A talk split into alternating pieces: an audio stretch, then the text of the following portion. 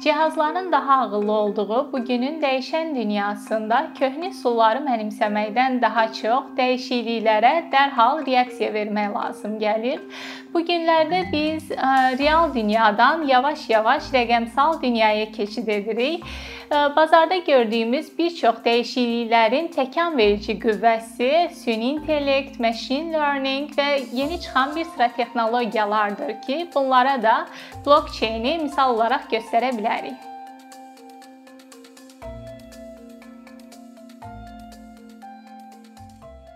Bir çox texnologiya həvəskarları e, belə fikirləşirlər ki, blockchain dünyamızı ən az internetin dəyişdirdiyi, dəyişdirdiyi qədər dəyişdirə bilmək gücünə malikdir.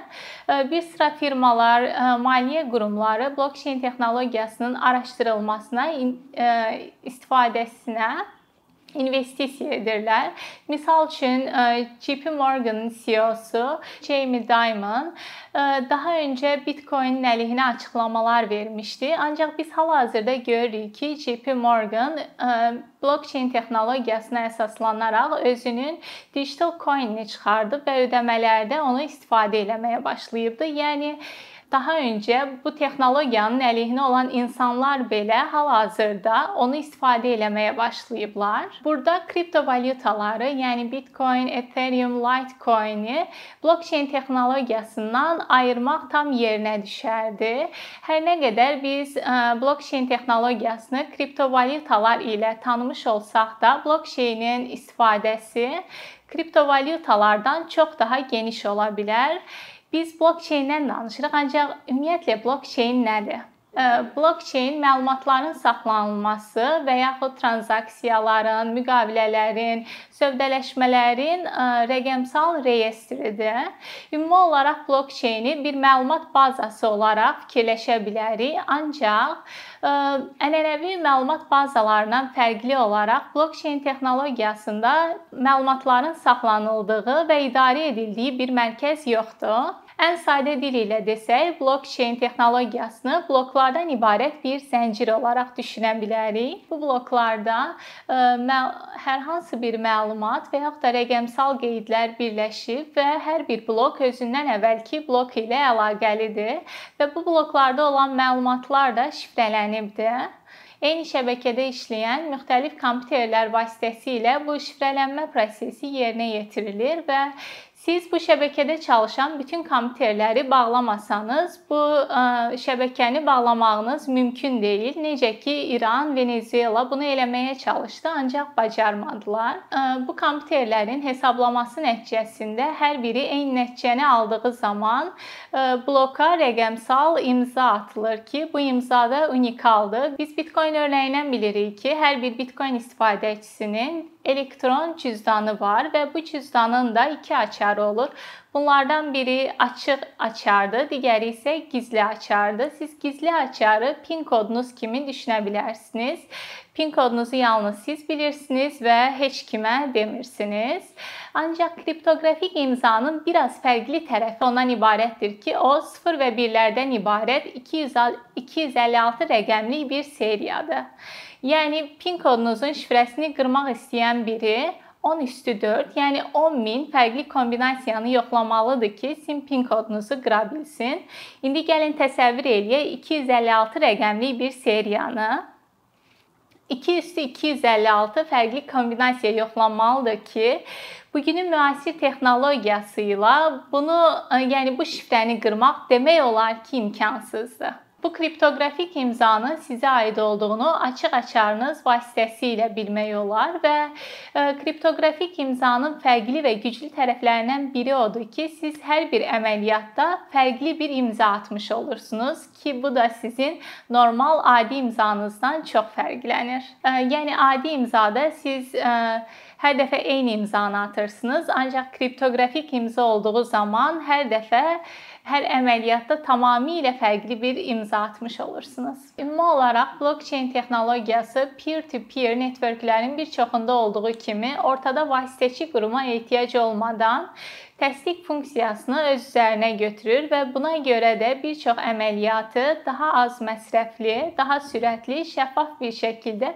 bu texnologiyanı istifadə edərək ə, etmək mümkündür. Bütün bu xüsusiyyətlər e, blockchainin zəmanənin ən önəmli texnologiyalarından biri edir. Beynəlxalq ticarəti fikirləşək, şirkətlər bir-birindən mal alıb satdığı zaman ortada üçüncü şəxslər dediyimiz gömrük, banklar, logistika şirkətləri var ki, bunlar da bu əməliyyatın tərəfləri sayılırlar.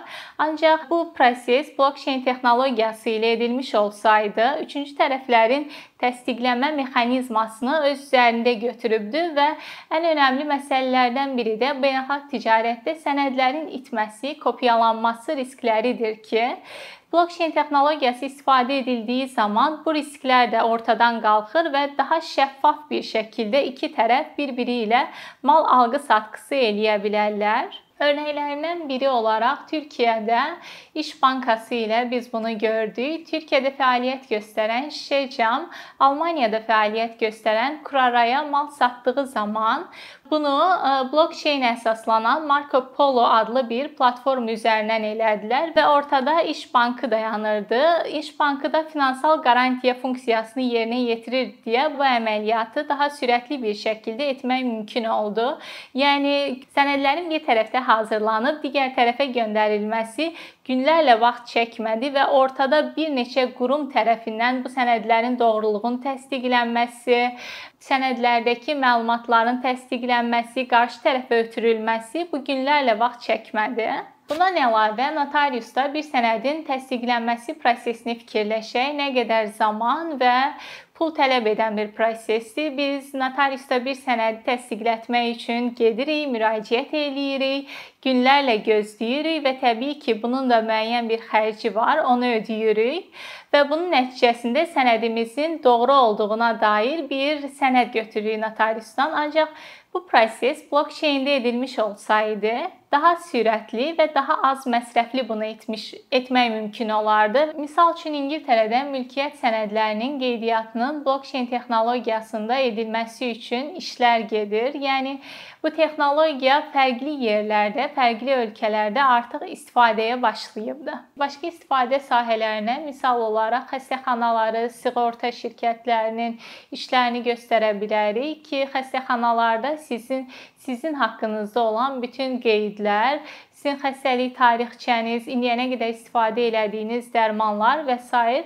bütün bu məlumatlar da blockchain texnologiyasında məlumat bazasında saxlanıla bilər və gələcəkdə misal üçün bir həkimə getdiyiniz zaman sizinlə əlaqəli bütün məlumatlara həm siz, həm də həkiminiz çata bildiyi üçün çox effektiv bir şəkildə Gələcəyin texnologiyası olaraq biz blockchain-i istifadə edə bilərik. Biz blockchain texnologiyasını gömrükdə də istifadə edə bilərik. Bu texnologiyada sistemin şəffaf olması onun gömrükdə də istifadə edilə bilməsinə şərait yaradır. Bundan əlavə biz e, blockchain texnologiyasını bəlkə də hamımız üçün çox vacib lazım olan seçkilərdə istifadə edə bilərik ki, seçkilərdə də şəffaflıq olduqca önəmlidir və bu texnologiya vasitəsilə biz seçki prosesini insanlar evdən çıxmadan əlavə təsdiqləyici e, qurumların olmasına ehtiyac qalmadan bu prosesi daha şəffaf, güvənilir bir şəkildə həyata keçirə bilərik. Blockchain texnologiyasında əməliyyatların doğruluğunu qarantiya edən konsensus mexanizması ilə biz bir çox sektorda bir çox işi daha az məsrəfli, daha güvənli, daha şəffaf bir şəkildə şəkildə